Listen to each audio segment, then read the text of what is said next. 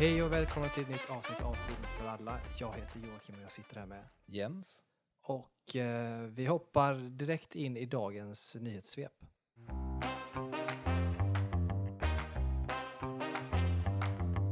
Ja, nyheterna denna gången. Tragiska nyheter eh, som säkert ingen har missat. Eh, I och med att vi inte spelar in eh, på samma dag så har det gått några dagar nu, eller Mm. nästan en vecka, sen Matthew Perry hittades död i sin jacuzzi hemma. Mm. Ehm, och det är ju hemskt. Mm. Eh, jag tycker ju liksom att det är så svårt, han var ju ganska ung och så vidare, men eh, jag vet inte, jag har inte upplevt att det är så många som är jätteförvånade heller eh, över det. Samtidigt så tänkte nog många att det kanske inte, jag vet inte hur mycket det är klarlagt än, men det verkar ju inte vara alltså någon överdosgrej så, men jag vet inte.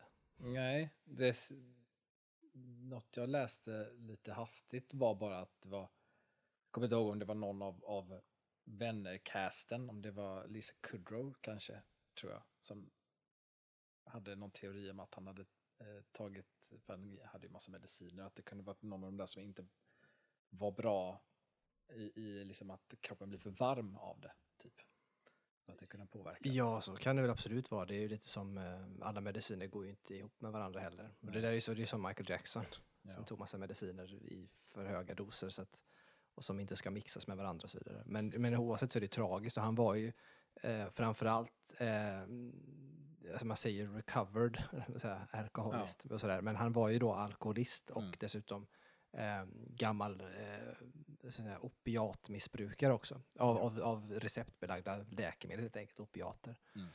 Eh, och det har han ju pratat mycket om och kring och hur det var och sånt. Men han verkar ändå på bättringsvägen, eh, alltså just i den biten. Ja. Samtidigt så vet man ju inte liksom, hur det är. Och, men det där tar ju, eh, många år senare så har ju kroppen tagit stryk. Ja. Ehm, och nu ska man ju inte liksom shamea någon för hur han ser ut, men tittar man på honom så ser han sista inte så hälsosam ut. Liksom. Det finns en risk att man byter ett beroende mot ett annat. Han kanske äter mycket och han kanske sådär. Så att, Ja. Sen så har ju man, såg ju när de hade den här reunion för några år sedan där, så såg man ju att eh, alkoholen och, och tabletterna har ju, har ju tagit på honom. Ja, nej, men det är ju så. Då blir det, men det är ju jo- jobbigt för, för kroppen, hjärtat och lever och sånt där att jobba med det då. Ehm, sen är det ju hemskt då om han faktiskt liksom mår bra och det känns som att han är på bra ställe i livet att liksom knallbom i sin jacuzzi när man har det gött eh, ja. dö liksom. Eh, Jag så- brukar sällan så här, alltså när det är kändisar som dör brukar jag inte liksom, bli speciellt känslosam av det. Det är mer så synd och, och tråkigt ofta och, Mm. och sådär. Men just när jag läste Matthew Perry, för jag vaknade liksom upp morgonen och tog upp telefonen och sånt där och så stod det direkt. Och det, det är nog en av de här få som faktiskt, jag blev liksom genuint ledsen Mm, när jag läste det. Och liksom tyckte verkligen att det kändes som att man har eh, förlorat någonting. Liksom. mm.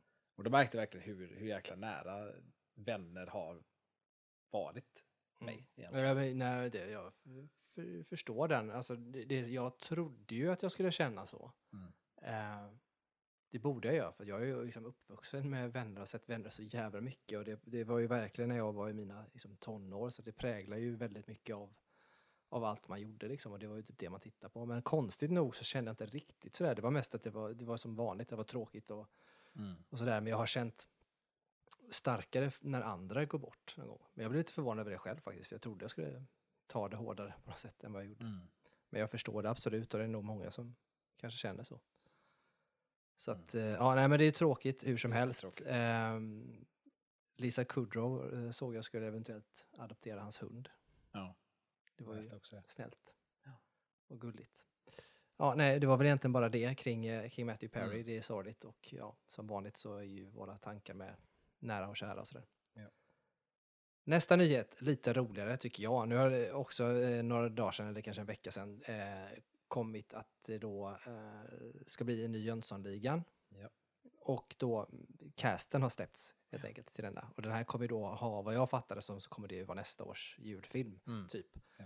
Ehm, och det är ju, har ju kommit två, jag har inte gjort de här lilla Jönssonligan, men det har ju kommit två försök till att Reboota. reboota Jönssonligan. Eh, första försöket var ju, ja det är över tio år sedan, jag kommer inte ihåg riktigt exakt när det var, när man gjorde en, en seriös Jönssonligan. Som är typ en Oceans Eleven-film nästan. Och det, jag tycker ju personligen att den är skitbra. Jag, jag gillar ju den.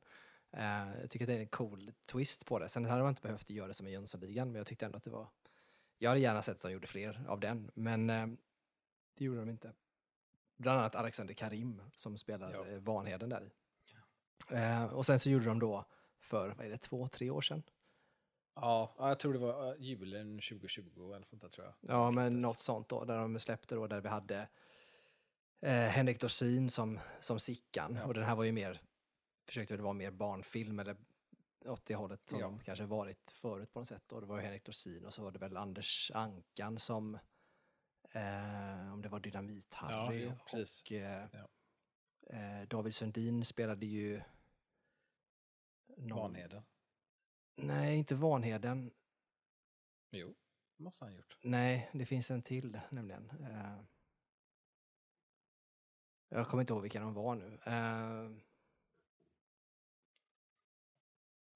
men de spelade den i alla fall och de försökte göra om det till en, en eh, ja, alltså försökte att göra en mer klassisk Jönssonligan som kanske var när Gösta Ekman och, och eh, Björn Gustafsson och det här gänget var. Jo.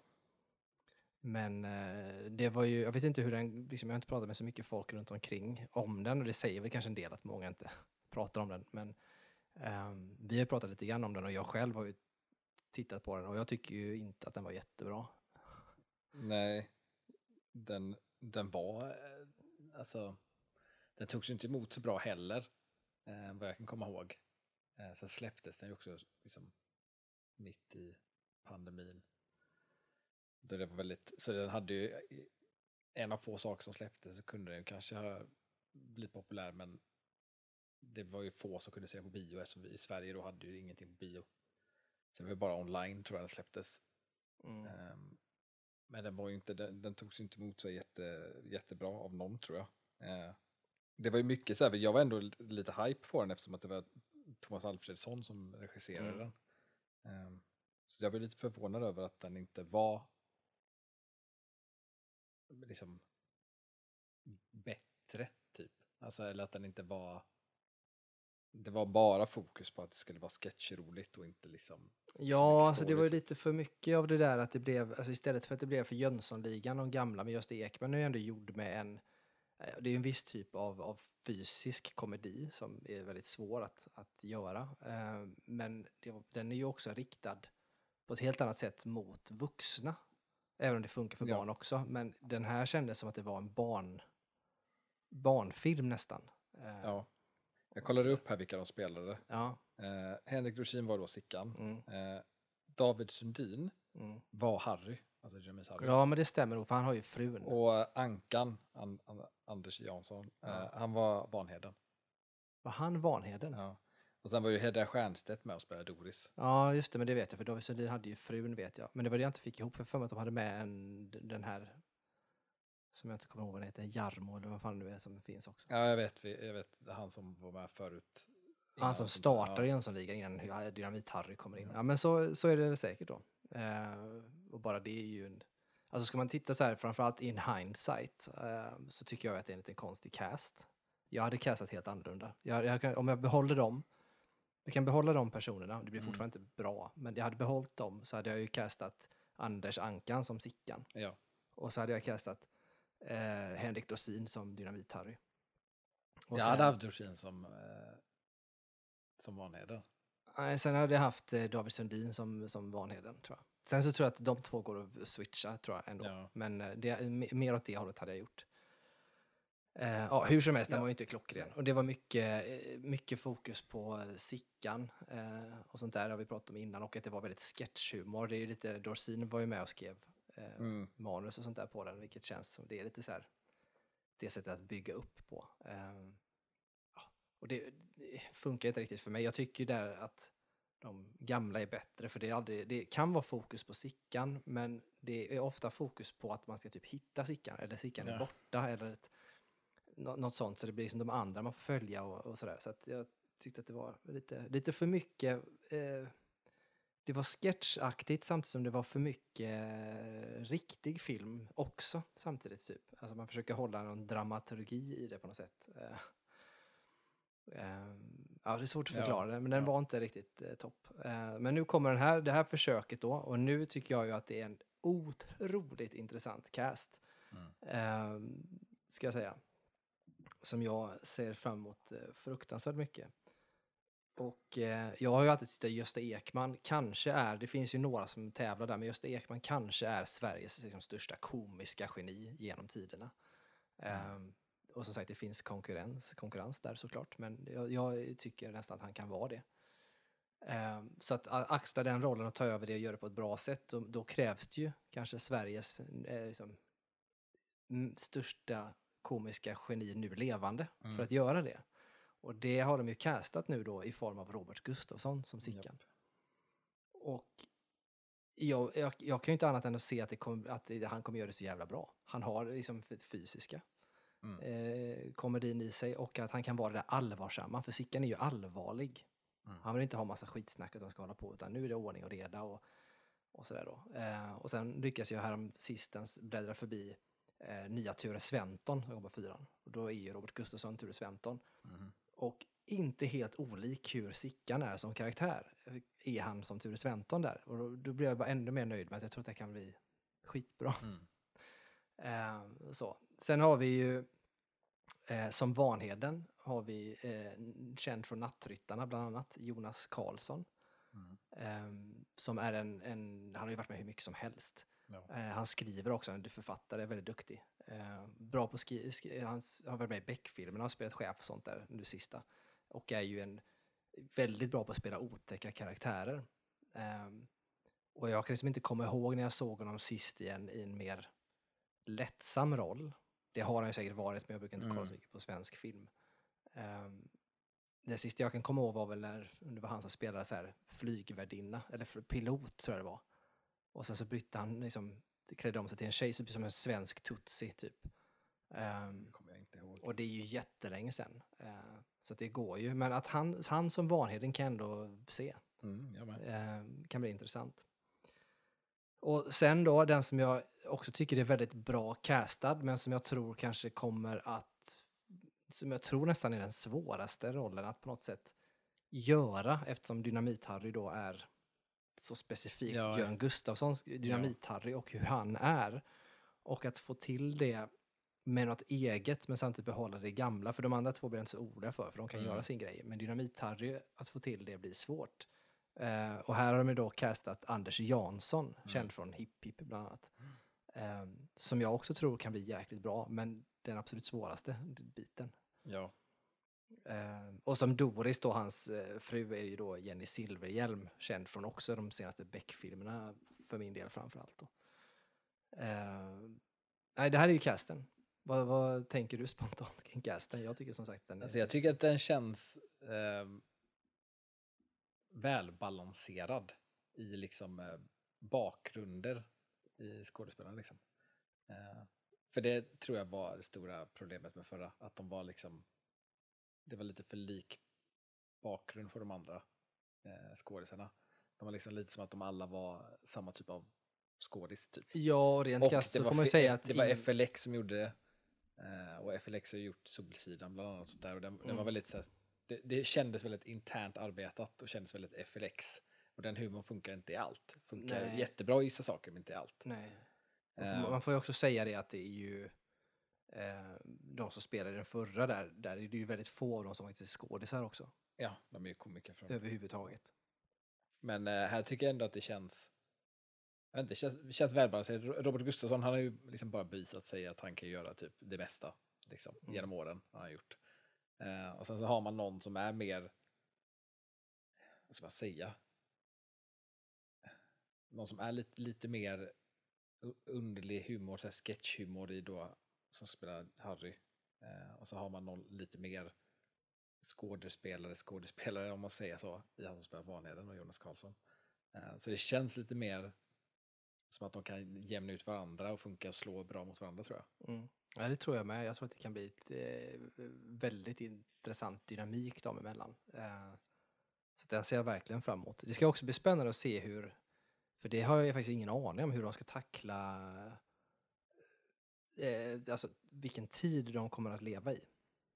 Nej, precis. Ja, nej. För det, det är ju återigen så ett problem, just när man skulle reboota från början med den här, när Alexander Karim spelar Vanheden och eh, vad heter han, Simon J Berger spelade Sickan då, det här som gjordes som en action eh, Mm.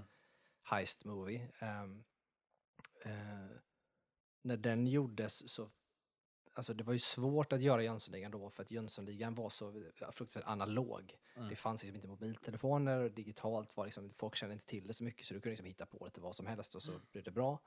Eh, och därför tror jag att man gjorde den lite mer allvarsam just för att, för att man hittar nog massa coola idéer men det krävs lite högteknologiskt Mm. och man ska ha, förstå varför de kan det de kan och alla de här bitarna.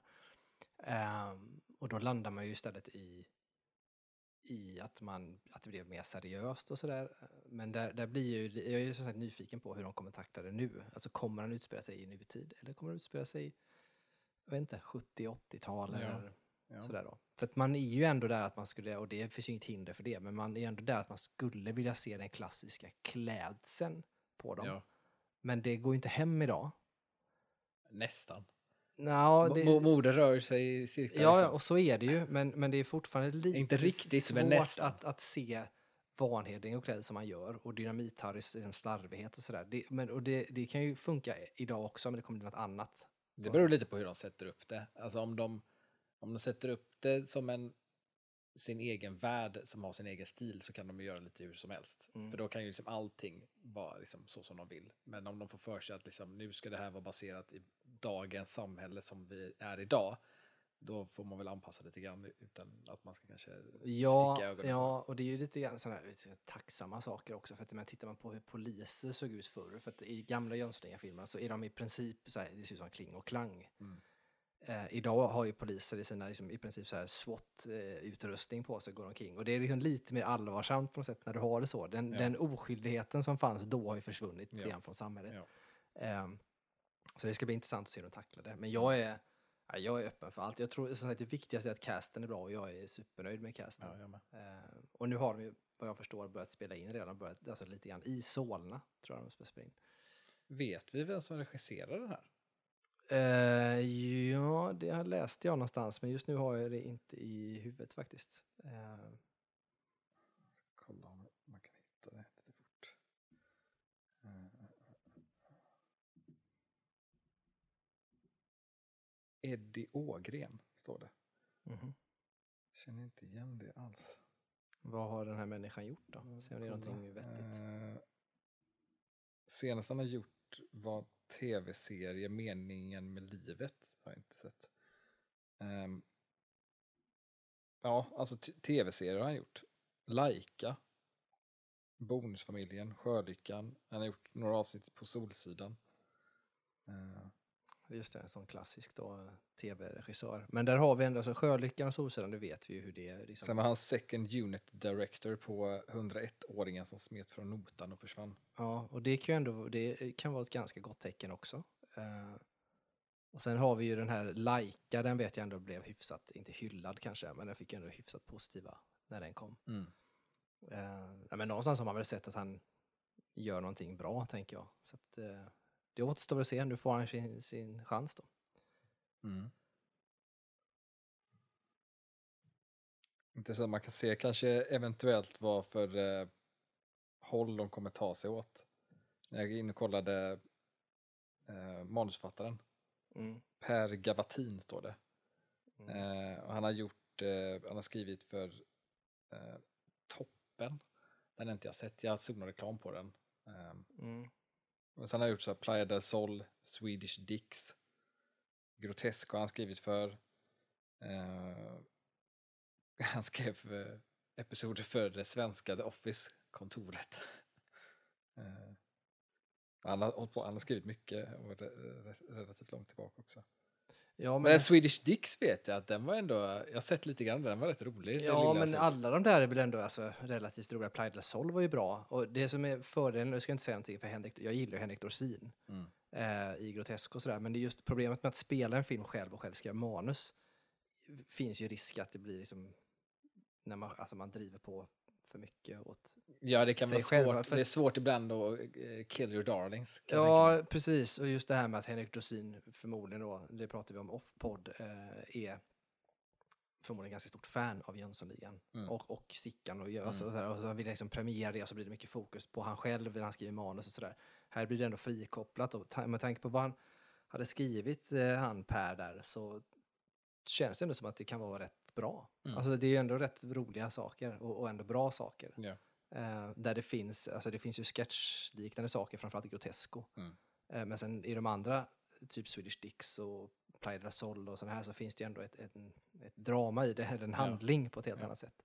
Um, alltså det känns ändå som att de får ett bra crew eh, till det. Så Det ska det, bli kul att se. det ska bli otroligt kul att se.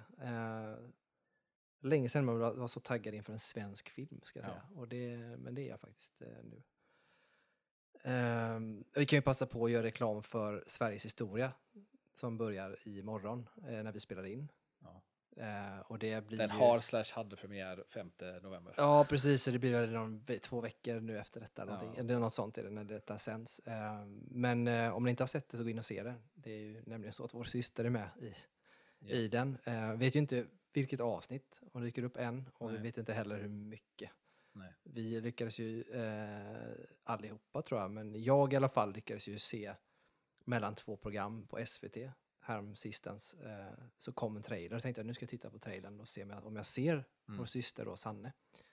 Eh, och tänkte att ja, jag vet ju, hon har ju berättat ungefär vad det är för scen som, Mm. som ska vara. Så jag sitter och tittar och sen helt plötsligt så kommer den scenen. Precis som jag har typ föreställt mig den i huvudet också. Så här. Och så är hon med i trailern då. Mm. En av trailerna, de har släppt flera. Eh, och då blev jag lite, det var lite coolt. Mm.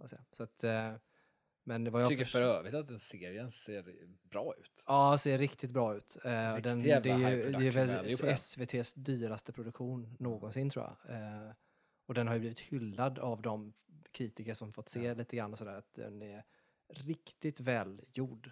Ja. Eh, och Måste också vara en av de typ mest så här, väl så att säga, researchade serier någonsin känns det som. Alltså, Ja, jag, det är såg, det. jag såg en sån behind the scenes där de pratade om hur jävla många experter Ja, det är de inblandade. 300 eller något sånt Ja, där liknande. Ja, men det är något sånt. Jag tror det är typ tre, mellan 300 och 500 experter som Ja. varit med. Liksom. Så att, ehm, den kommer nog vara riktigt bra. Och, det, och vi talar ju precis om Jönssonligan och där är ju Simon J. Berger som spelar Sickan, är ju faktiskt den som är Just det. programledare det. i den också. Just det, just Eh, så att han kommer ju gå omkring där då. Men den, den verkar, den har fått väldigt, väldigt, väldigt bra kritik.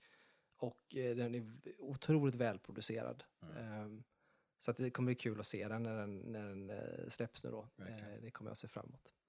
Så att, ja, ett tips bara. Ja. Ni, ni som inte har sett den än då när detta sänds kan absolut sätta på och titta på det. Mm. Så får vi kanske återkomma till den när den släpps så vi tittar Ja. lite grann på det Ja. helt enkelt. Men det var väl allt för nyheterna den här gången så går vi in på dagens ämnen helt enkelt, eller dagens film och serier.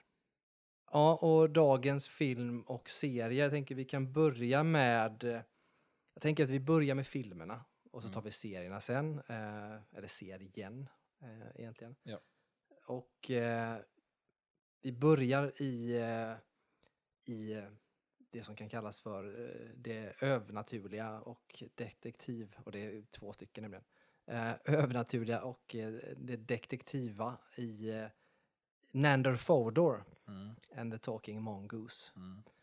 Ehm, som är en film då med Simon Pegg som spelar huvudrollen som Nandor Fodor. Och bakgrunden egentligen till, alltså inte till filmen, men Nandor Fodor är alltså en, en person som funnits på riktigt. Mm. Eh, som var en, en eh, han, har ju liksom, han är känd inom den eh, paranormala och okulta sfären som den som skrivit liksom, uppslagsverk kring okulta eh, fenomen och sådär. Och dessutom har eh, debankat en del saker och sånt också. Mm. Eh, så han, han är känd på många sätt och det här är då eh, ett, det här är gjord efter ett känt fall som heter just eh, Talking Mm. Mongoose-fallet. Eh, och i den här då, eh, utan vi ska inte spoila så mycket egentligen, men i den här berättarhistorien så får han då chansen att åka till eh, till ett ställe på landet. Det här utspelar sig i, i Storbritannien då. Ehm, så han åker till ett ställe på landet där det då sägs finnas en eh, talande en talande varelse kan man säga. Ja. Eh, Det är kl- oklart om det är en mongoose egentligen, men det är en talande varelse som springer omkring eh, som någon har sett ibland sägs det, men man ser den inte och så vidare. Mm. Och kommer han dit och hälsar på den här familjen. Och, och där tar dramat sin början kan man säga. Så att, eh, ja, vad, säger du om den här filmatiseringen? Alltså jag var lite såhär, jag hade inte... Jag, såg, jag tror jag såg en trailer innan jag såg filmen.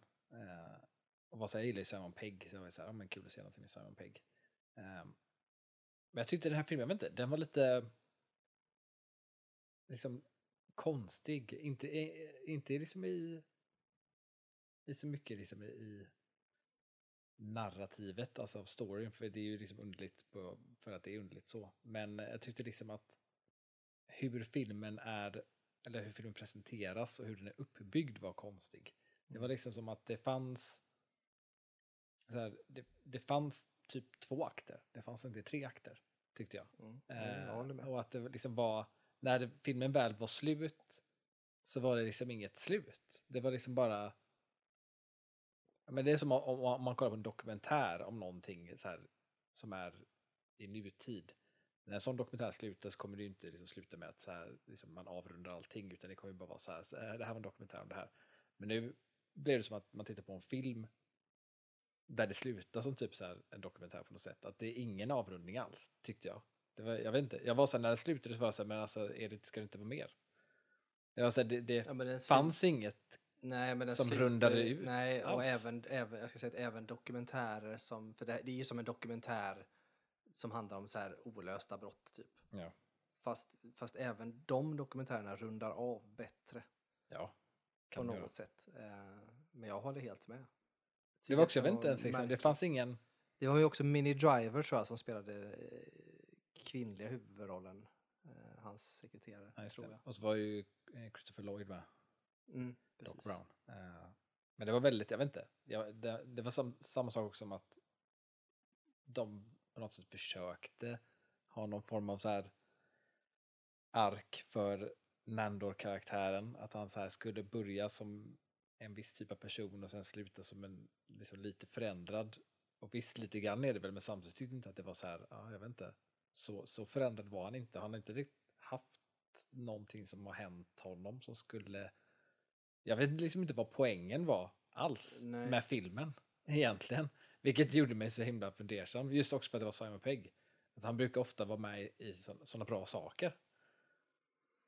Ja, nej, jag tycker, nej, jag håller med. Jag förstår inte riktigt heller vad, vad den ville. För man kan titta på hans karaktärsutveckling då som det ska, som ska vara själva syftet med filmen då. Eh, men det är som du säger, han har knappt någon utveckling ändå. Det, det, det ger liksom ingenting. Eh, och samma sak är det ju med, med liksom sekreteraren. Jo, hon får ju höjd lön då. Ja. Det är liksom det. Men Ja. jag tycker att den är märklig för de, de väljer ju inte, alltså de lutar sig inte mot någonting i den och nischar sig mot att, det ska, att man, ska, man ska tro på det eller inte tro på det. Man befinner sig konstant i ett, ett vakuum av att eh, vi kommer inte gå in på om det är sant Ja, eller ja, inte, typ. Samtidigt som att, jag vet inte, den är bara väldigt märklig. Ja, men de sätter upp, hela, hela filmens berättelse är ju liksom att det är ett mysterie. Men mysteriet blir ju aldrig löst.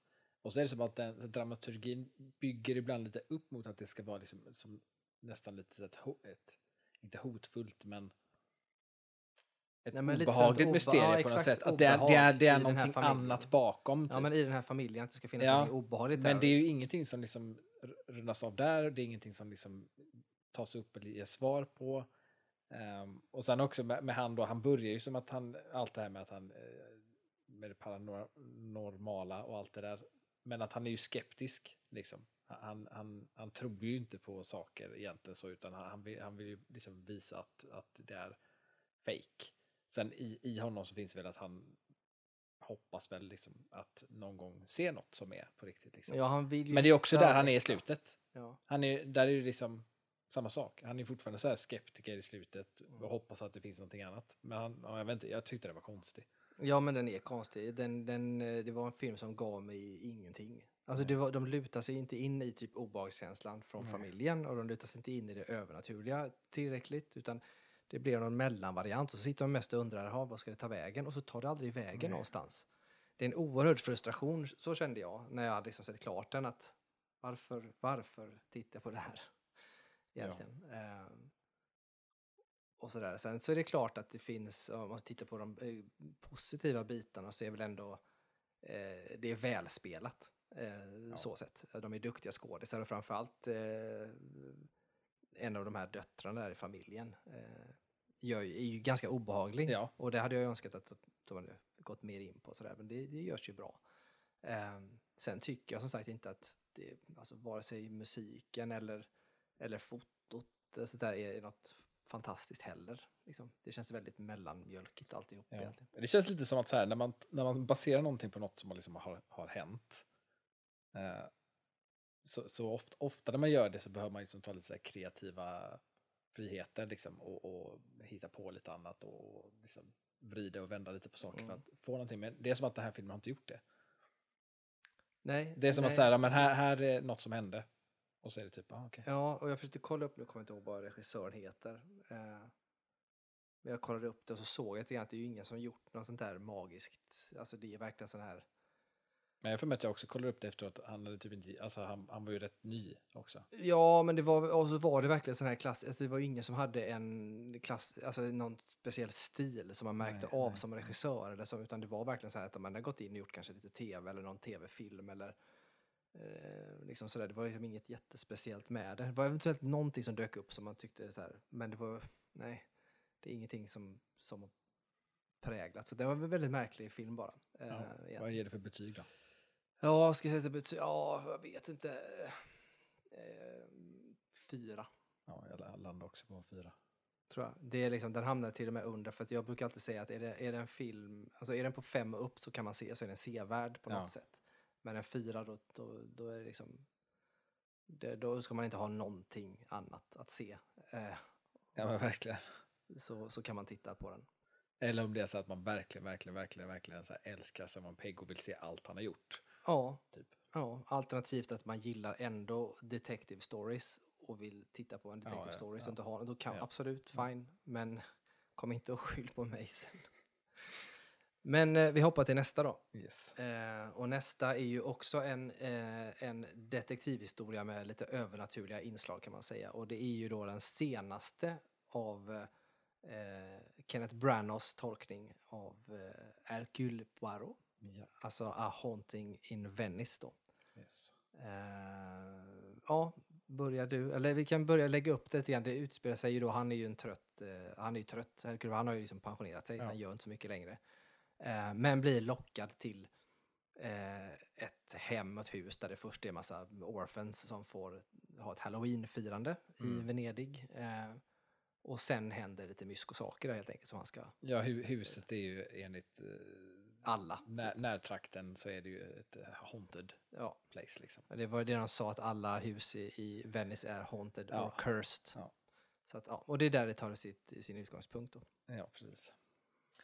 Eh, ja, alltså jag, jag gillar ju de här nytolkningarna um, av, av uh, Kenneth Branagh. Jag gillar hans Poirot. Um, jag tyckte den första han gjorde, Orientexpressen, tyckte jag ty, det är en underhållande film. Det är bara ett, jag har ju sett andra varianter av det innan så det var liksom ingenting som överraskades på det sättet. Däremot tycker jag att det var en väldigt välgjord film och, och liksom intressant att se.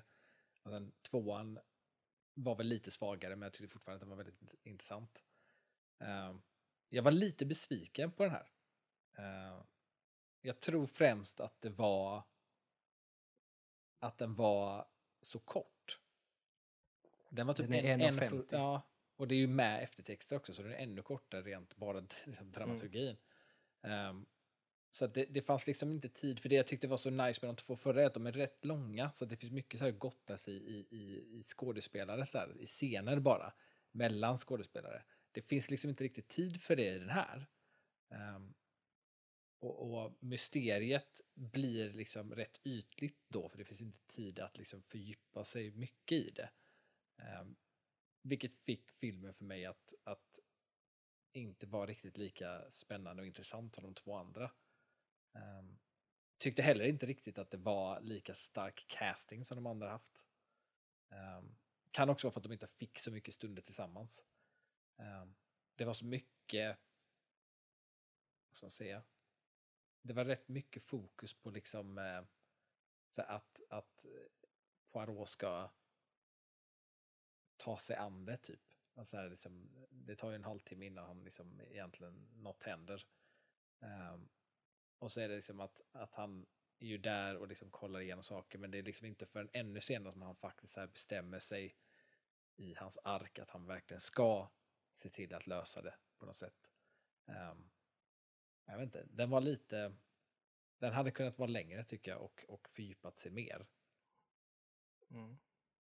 Det var heller ingen, alltså, det var liksom ingen överraskning heller för mig. Alltså på det sättet. Det inte för att de andra heller var det egentligen, men jag tycker de andra hade bättre misdirections över vem det ska vara. Den här hade väldigt tydligt, alltså jag tyckte den var väldigt ja, tydlig. Alltså, ja. Det är ju det som är problemet. Att har man, jag vet inte, det är både om man har läst Agatha Christie eller har sett de här filmerna innan så, så har man receptet. Ja. Också. Man vet vad det är. Och det var det som jag tyckte var lite synd för att jag visste efter 20 minuter. Jag hade inte koll på helt exakt hur det hade gått alltså till, vem, nej, varför och sådär. Nej. Men jag visste vilka det var. Och jag hade rätt. Ja, jag men det var lite, rätt ner till lite, den sista... Men det är, lite, det är lite kanske det som också var lite sämre med trean. Det här för att man, man kan ju ofta så veta vem det är. Men det är också det jag tyckte med två andra, att det var liksom lite intressant att få veta hur det gick till. I den här så var det liksom inte så mycket det var liksom inte så speciellt i hur det gick till. Ja, man ska säga att det går väldigt fort också, vilket det, till viss del gör de andra med, men det här gick ju väldigt fort i själva upplösningen i det hela. Ja. Liksom. Ja, det är du, ja så här, och så bara ett snabba klipp på vad som hände och sen boom, klart och så var det färdigt. Ja. Uh, jag själv då, jag har ju kommit fram, efter jag såg den här så har jag kommit fram till, till en sak och det här kommer jag få hat från många tror jag. Uh, faktiskt. För att jag tycker ju att jag tycker ju att de här filmerna inte är så bra. Uh, jag tycker de är snygga. De är skitsnygga och bra liksom. Och det är inte filmerna i sig som är problemet utan det är ju Agatha Christies historia helt enkelt. Och de var säkert bra förr. Men jag har, jag har ju lite svårt för att jag tycker att en bra detektivstory det är typ Knives Out-filmerna. Ja. Där man liksom får, måste vara med lite och man, det finns ändå ledtrådar man kan sitta och följa med på det sättet. Här är det så mycket utöver det och man vet vilka som har gjort det. Och det, man vet att det är ingen idé att jag eh, hänger med för att det kommer inte hänga ihop med det som blir på slutet ändå på något sätt. Utan det är han som kommer komma med sin förklaring i slutet och det är klassiskt liksom, uppbyggt så i Agatha mm. Christies. Um, Därför så tycker jag att filmerna i sig kanske är bra, men jag tycker inte om historierna. Liksom, man säga. Mm. Jag tycker kanske att Agatha Christies böcker om Hercule Poirot kanske kan vara bland de mest överskattade. Um, och det, det, det, har jag landat efter jag såg denna. Mm. Att så tycker jag nog. Jag kan inte komma över det faktum att jag lite grann stör mig på alla filmerna egentligen. Uh, samtidigt så är ju då inte det Kenneth Branaghs fel, utan det är ju Agatha Christies och historiens fel. Om man mm, säger så. fattar. Um, sen tycker jag ju själv, alltså, själva rolltolkningen som han gör är, väl, är, är bra. Uh, och jag tycker också att Kenneth Branagh som regissör är bra. Mm. Uh, jag tycker att han är duktig. Jag tycker också att han har också en, en, en viss uh, ett visst hantverk som märks i, i scener på både hur man spelar, där för övrigt var en inte så bra i den här, men eh, men hur man spelar mot varandra som blir nästan lite teater mm. eh, många gånger. Och det ser man i Thor första, man tittar på det. Är också åt det ja. hållet. Han, eh, det är ju hans bakgrund. Ja, och det är det som märks och jag gillar det. Jag tycker att mm. det är mm. fint. Den biten gillar jag. Jag gillar också de kameravinklar som han använder sig av. Mm. Och det, jag vet inte vem som hade fotot i det här, men, men det märks. Det är väldigt tydligt Kenneth Branagh ja. på det. Och det är nästan så lite klassiskt. jag ska inte säga att det är Steve, Steven Spielbergeskt riktigt, men det finns någon, någon typ av filmmagi på de kameravinklar och sånt han väljer att använda sig av. Mm. Eh, och en väldigt stor respekt för filmen som konstverk. Eh, liksom, ja, han är duktig på att veta hur han ska tala med bild. Ja, och det, det tycker jag. Och det har jag ju stor behållning av när jag ser sånt här. Och så tycker jag också att musiken generellt sett brukar vara bra och sånt. Så de bitarna är, är, är super liksom. Um, sen tycker jag att den svagaste rolltolkningen här är ju, och det vet jag inte vem man ska skylla på, men det är ju då eh, mamman. Så att säga. Eh, som jag tycker är lite svag. Mest för att hon är kanske lite för teatralisk eller överdriven. Eh, ja. Många gånger. Hon, henne kunde jag lite grann störa mig på.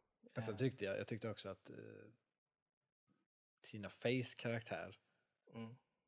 Jag tyckte inte karaktären i sig kanske var dålig, men det var, det, jag tyckte, det var konstigt att ha henne där. Det var någonting med, det är hur Tina Fey är, um, tycker jag. Ja, Som gör att hon, är, hon passade, hon, vet du, hon känns så modern. Det är som är grejen. Ja, kanske. Så att hon, för mig stack hon ut. Så mycket. jag har inget jätteproblem med det, men jag förstår vad du menar tror jag. Hon ska väl vara någon typ av... Alltså hon, det känns som att hon ska vara Agatha Christie. Alltså, Ja, exakt. Ja. eh, Ja, ja. Liksom i sin eh, roll där på något sätt. Nej, men annars så, eh, som sagt, alltså, själva hantverket i den tycker jag är bra. Historien i sig, och det gäller alla, tycker jag inte, alltså ingenting för mig egentligen. Eh, Sen så var det lite, jag var lite så här, eller jag tror också att jag blev lite besviken av den filmen för att alltså dels var den ju då kort och sen tror, känns det som att den gjordes rätt fort för att den som var innan den där, vad är, vad är den på, Döden på Nilen. Döden på Nilen, den kom ju ut 2022 tror jag. Eh, Ja, det och den här kommer ut nu. Det är liksom, jag tror att spannet mellan dem är lite mer än ett år. Um, vilket gör att den har ju gått väldigt fort att göra. Och det tycker jag kanske märks lite grann. Men sen tror jag också att Döden på Nilen satte upp, eller gjorde en sån eh, eh, en bra liksom, karaktärsark för Poirot, eh, tycker jag. Med att han liksom rakar av sig mustaschen och allt det där i slutet och liksom accepterar liksom sitt, eh, sitt pass, liksom, sitt förgångna på något sätt. Eh, men den här filmen liksom börjar med att inte ta vid där alls, vilket gör att, att liksom, jag förväntade mig att vi skulle få mer av liksom en koppling, för att jag tyckte att tvåan kändes så bra kopplad till första. Alltså för karaktären Poirot. Men det här kändes mer, för att jag var nästan lite så här först, att det känns mer som att den här skulle kunna utspela sig innan mordet Ja, det på hade Rent passat- Expressen, typ rent hur, hur han är. hade ju kunnat passa bättre, ja. ja. Men eftersom att han var retired den här så är det ju inte det. Nej, Om inte han har retired flera nej, gånger och då. Och så kan det ju väl vara. att- han har gjort det flera gånger, men jag, men jag håller med dig. Och det blir ju... Och det har ju varit så nästan i varenda, och det kan jag också tycka är lite tråkigt. Och det är återigen, det är ju inte någons fel förutom Agatha Christies då, men i varenda film så är det typ som att ja, han är trött och nu ska han lägga av och han har lärt sig av sin historia och liksom sådär. Och det avslutar med även i denna, att det blir en sån liten, ja vi har alla våra spöken och Ja, ja, ja. Alltså du vet, så här, att han liksom lever vidare. Så här. Och det, ja, Däremot hade jag hellre velat, i mitt huvud skulle jag vilja säga så här, för nu är det då en trilogi av dem han har gjort. I mitt huvud så skulle jag vilja säga så här att, nej men jag kör den senaste som, det får vara liksom rent kronologiskt första filmen för mig. För jag kan se så här, för att, att han, om man då fortsätter på mordet på Orientexpressen efter titta på morden i Venedig eller, mm. eller Haunting in Venice där, Ja.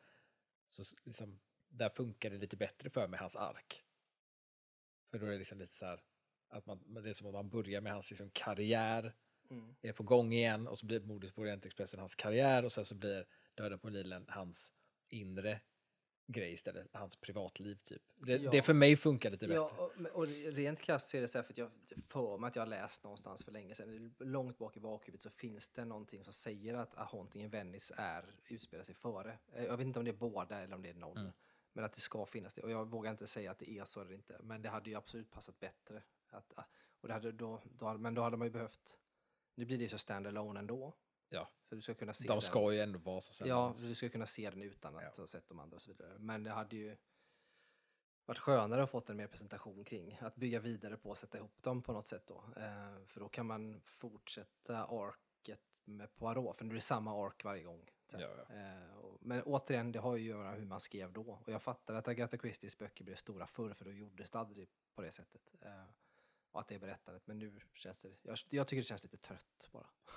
Och det säger jag jämför ju typ med typ Knives Out, som var så jävla bra. Eh, eh, det håller inte. Men återigen, det är ett Ja. snyggt hantverk ska jag Ja, säga. Och verkligen. det är alltså väldigt bra så sett. Ja. Eh, och det är liksom svårt. Det är så jävla svårt när man kommer till en sån här film. För jag tycker ju så här, återigen, hantverket är bra, skådisarna är bra, allt, alltså det är, fotot och musiken, allting är bra, men jag gillar liksom inte historien och hur den berättas. Och det är ju bokens fel.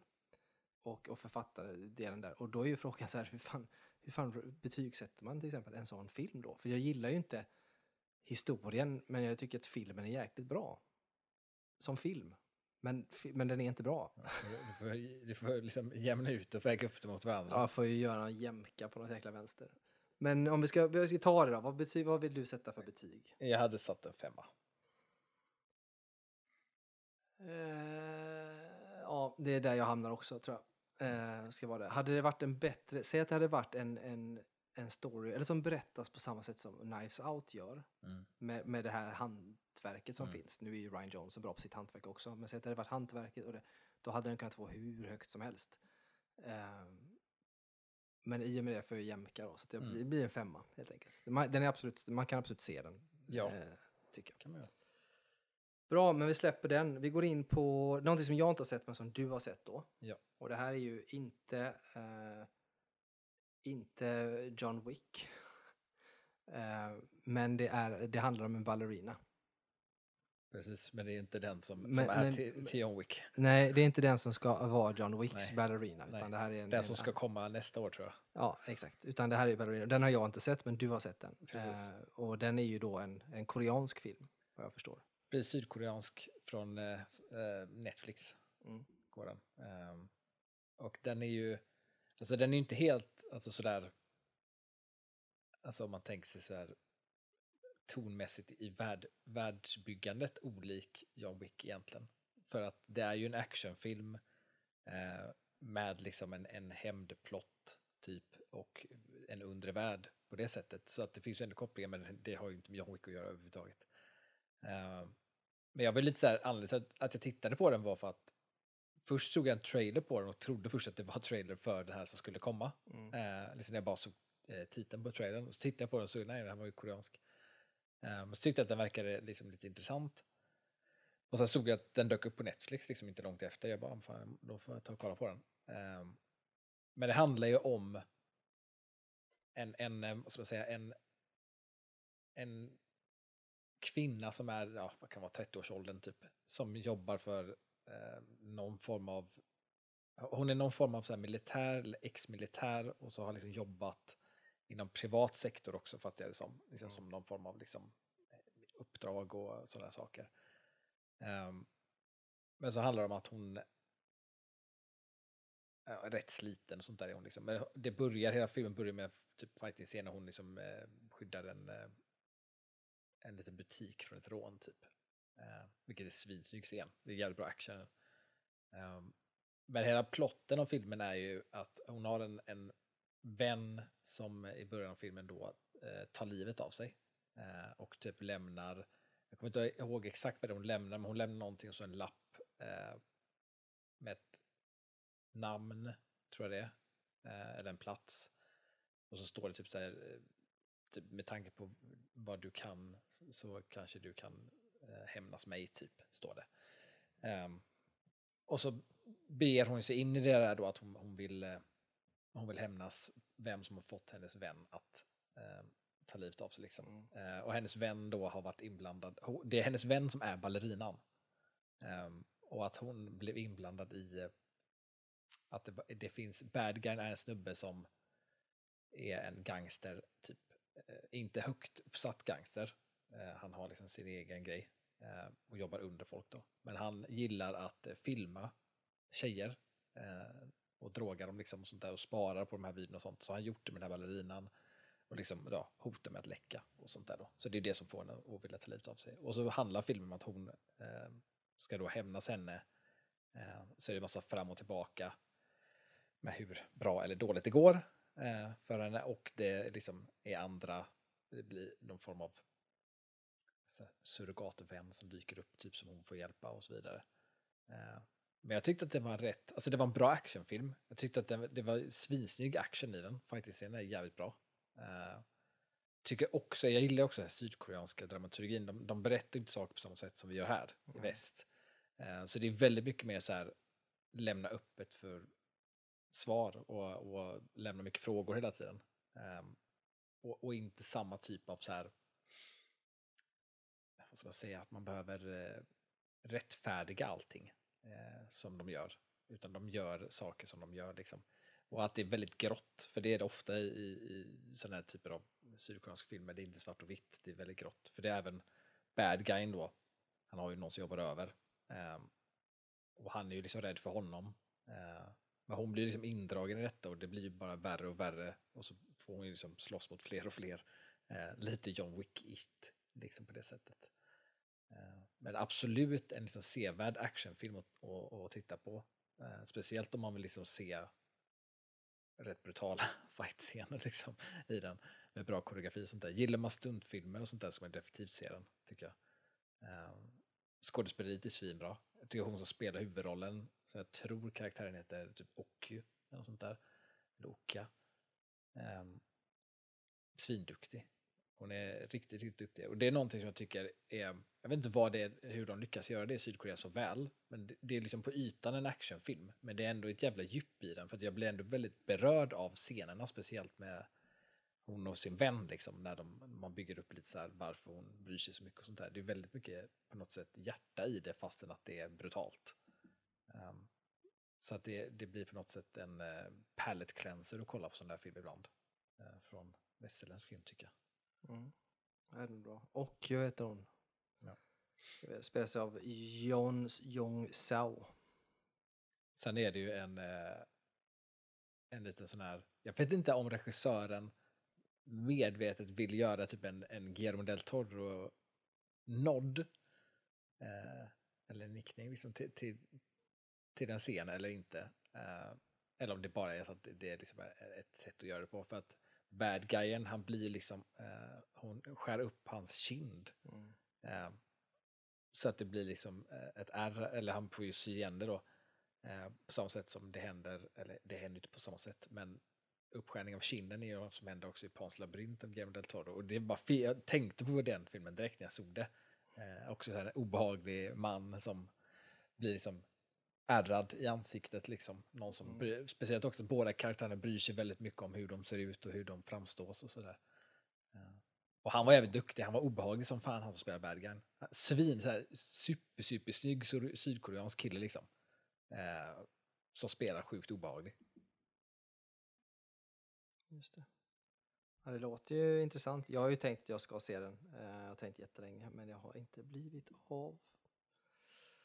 Men den ska jag se. Men om du ska få betygsätta den då? Eh, en sjua får den. Mm, det, är ändå, det är bra, bra betyg.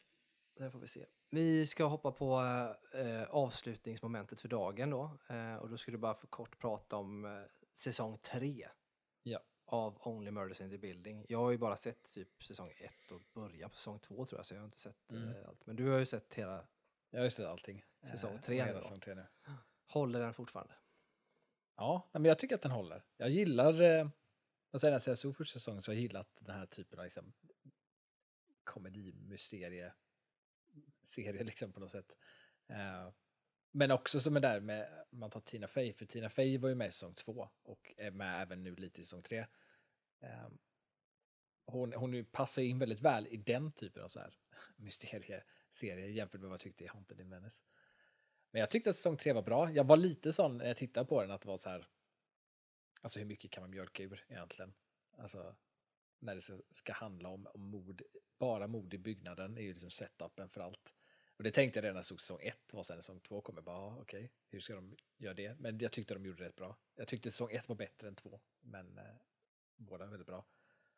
Um, så jag var lite så här tveksam säsong tre och var, jag vet inte vad jag kommer tycka om den. Men ehm, jag tycker, jag tycker den var väldigt underhållande. Jag tyckte det var snyggt hur de faktiskt, liksom, de, det som gör den bra är också att de påpekar ju saker, den är rätt meta på det sättet. Att de, liksom, de skämtar om så här att det ska ju bara vara mord i byggnaden och inget annat. Liksom. Um, för hela avsnitt ett, lite, lite spoiler fast ändå inte, uh, är ju att det sker ett mord redan i slutet av säsong två. Um, som är Paul Rudds karaktär. Och jag var glad över hur mycket han är med i säsong 3. Uh, eh, jag trodde att han inte skulle vara med någonting. För att han dör ju på scenen i slutet av säsong 2, vilket är cliffhangern. Och sen börjar då säsong 3 med att han är död. Um, och har precis dött och så ska de ändå ha så här casting, eller så här eh, premiere party efteråt typ. För att det är ju ordning gjort, men det får också bli lite av en, en vaka typ. Liksom så där. Men när de är på det stället då, då dyker Paul Rudd upp. Han har överlevt. Han hade, han hade dött. Och det hade att göra med att han hade så här, droger i sitt system som typ motverkade vad han hade fått. Typ. Uh, det är en ganska stor spoiler. Ja, men det, I- det, här, det, här är, det här är setup, alltså första 15 minuterna av avsnitt ett. Eh, så att det, det, är liksom, det är ingen spoiler för storyn för att det är vad det handlar om sen. Eh, men han dyker upp eh, och sen eh, blir det då, ah, okej det var ingen mord, men sen så blir det då att han i det samma avsnitt dör i byggnaden. Så att återigen då så sätter de upp för att det är ett mord i byggnaden. Men det är mycket, jag, kommer, jag vet inte, det var rätt mycket flashbacks i säsong 1 och 2 också tror jag, vad jag kan komma ihåg. Men det kändes som att det var lite mer flashbacks i säsong 3, alltså för att eh, sätta upp saker. Det är därför Paul Rudd med, är med så pass mycket. Ja, säsong ett minns jag ju hyfsat väl, säsong två såg jag så lite på, men säsong ett vet jag att det är rätt mycket flashbacks. Så att de, det, är mycket Paul Rudd och så är det mycket liksom, övrigt så. Sen tycker jag att ehm, vad ska man säga? Alltså jag tycker att det, det kanske är lite svagare story för Selena Gomez karaktär om man jämför med de andra. Ehm, vilket för mig tog bort lite grann. Det märktes att hon, hon har rätt stor del av serien rent drivmässigt än vad man kanske faktiskt tänker sig att det är när det är de två andra gubbarna med. Liksom. Eh, men när, det var lite mindre fokus på henne så tyckte jag att det blev inte riktigt lika liksom, framåtdriv i det som det kan vara. Eh, samtidigt som att det är också bra att liksom, få med de två andra lite mer kanske. Eh, men det är väl bra säsong tre. Sätter upp coolt för en säsong fyra, så nu är jag hype på säsong fyra.